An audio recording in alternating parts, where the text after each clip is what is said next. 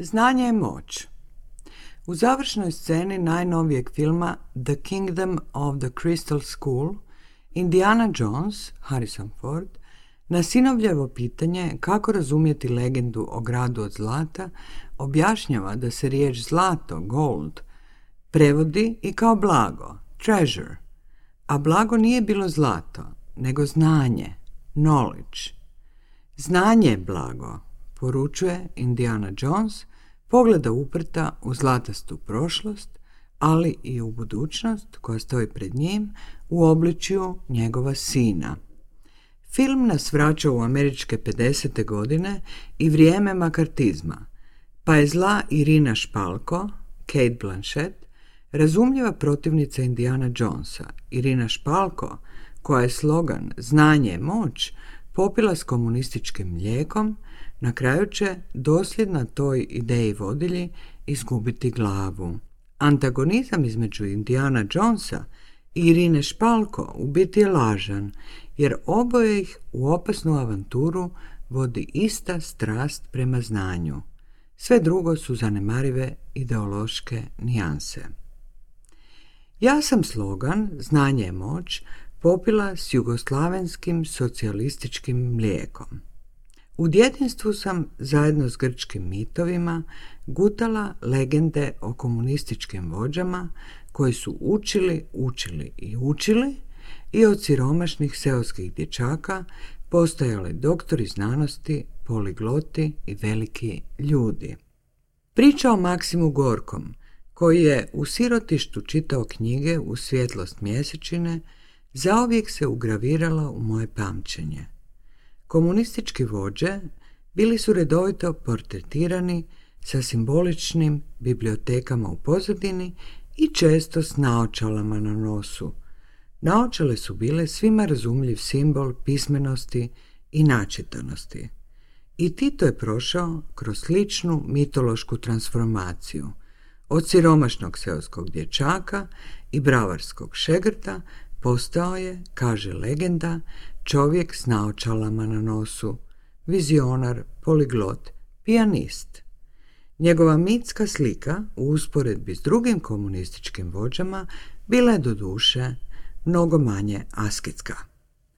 Imić komunističkih vođa s naočalama na nosu iz bibliotekama u pozadini imao je propagandnu funkciju i realne prosvjetiteljske rezultate – u Jugoslaviji je opismenjavanje započeto s partizanskim tečajevima u toku drugog svjetskog rata, naravno potpomognuto legendama o staricama koje su naučile pisati i čitati u stotoj i nastavljeno je nakon rata.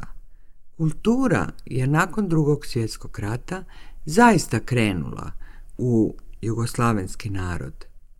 Započela je popularizacija obrazovanja, Studiranje je postalo dostupno svima, osnovana je mreža radničkih sveučilišta i večernjih škola, institucija za obrazovanje odraslih. Obrazovanje uz rad bila je jedna od popularnih parola jugoslavenskog vremena. I široka popularizacija amaterizma, tečajevi amaterskog bavljenja fotografijom, filmom pisanjem poezije, šivanjem, slikanjem, radijom i kazalištem spadala je u program mnogostrukog opismenjavanja naroda. S ulaskom televizora u jugoslavenske domove i popularno obrazovnim i školskim TV programima nastavljeno je obrazovanje socijalističkih masa. I novine su u početku imale informativno obrazovni karakter. Abraham Lincoln, samouki američki predsjednik, jedan je od utemeljitelja obrazovno-prosvjetiteljskog mita u američkoj kulturi. Propagandno-prosvjetiteljska mitizacija pismenosti i obrazovanja i pravo svih građana na obrazovanje zaživjeli su u Americi daleko prije nego u povijesno kratkotrenom komunizmu. Amerika je stvorila college kulturu – i neodvojivi dio te kulture su filmovi i televizijske serije, univerzitetski rituali, moda, književnost, običaj i mnogo što drugo. Slogan Znanje je moć u Americi nikada nije izgubio svoju uvjerljivost i snagu, a Barack Obama je novi simbolički nosilac i promotor slogana. Slogan Znanje je moć Iščezao je u Jugoslaviji zajedno s Jugoslavijom.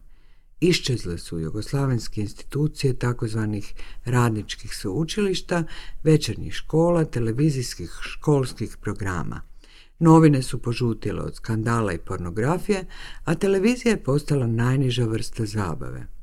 Marko Perković Thompson, hrvatski pop pjevač i militantni nacionalist, na Hrvatskom sajmu knjiga 2008 predstavio je vlastiti proizvod DVD, kompjutersku učilicu koja bi, ako je odobri ministarstvo, trebala biti dopuna regularnoj školskoj nastavi.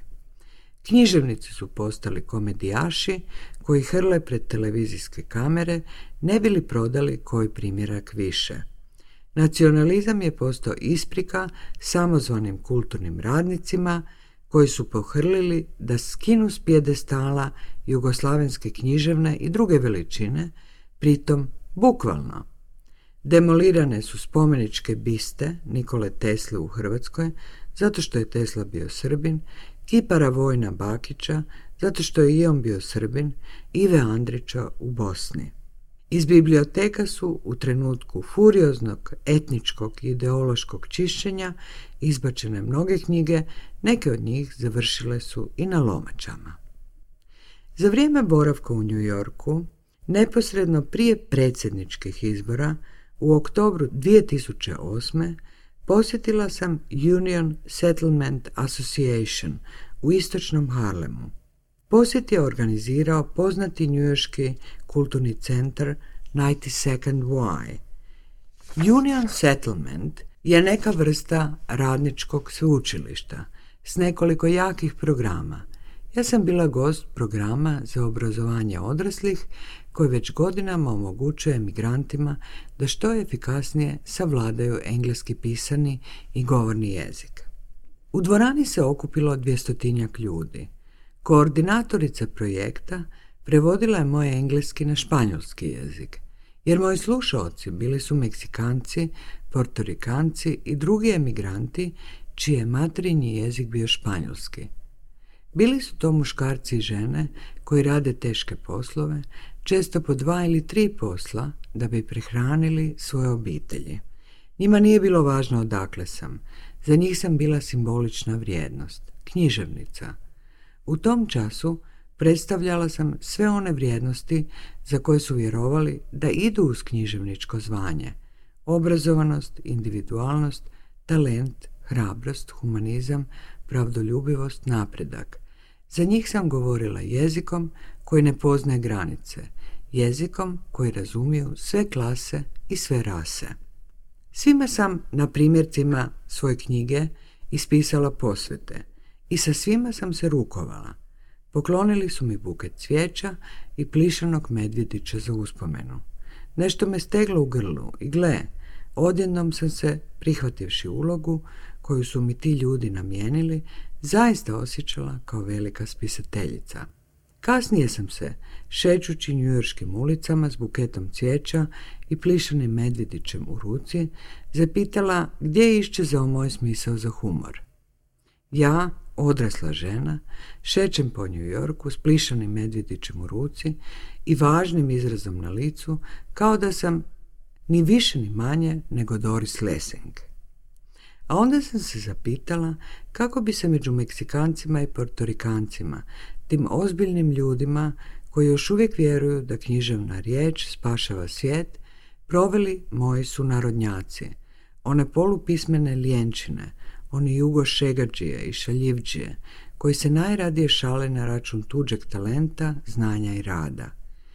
Pitala sam se kako bi se proveli oni koji su u prolazu znali zadirkivati Ivu Andrića sa Ej, Čoro, jesi li što napisao?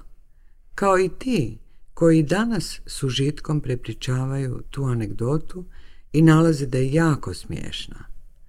Pitala sam se kako bi se u toj dvorani provela lokalna spisateljica koja je na pitanje američke novinarke je li Selin utjecao na njezino pisanje, odgovorila s provincijskom drskošću. Vi Amerikanci zaista nemate mašte. Ja sam utjecala na Selina. Zapravo je dobro da Meksikancima nisam morala objašnjavati odakle dolazim, mislila sam. Jer što bih im mogla reći?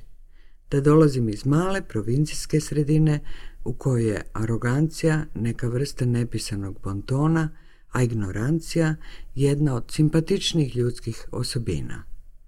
Da dolazim iz sredine koja njeguje prezir prema svakom mozgovnom naporu, gdje je slogan znanje je moć shvaćen bukvalno, gdje je, shodno tomu, psihijatar dr. Radovan Karadžić topovima rušio gradsku biblioteku.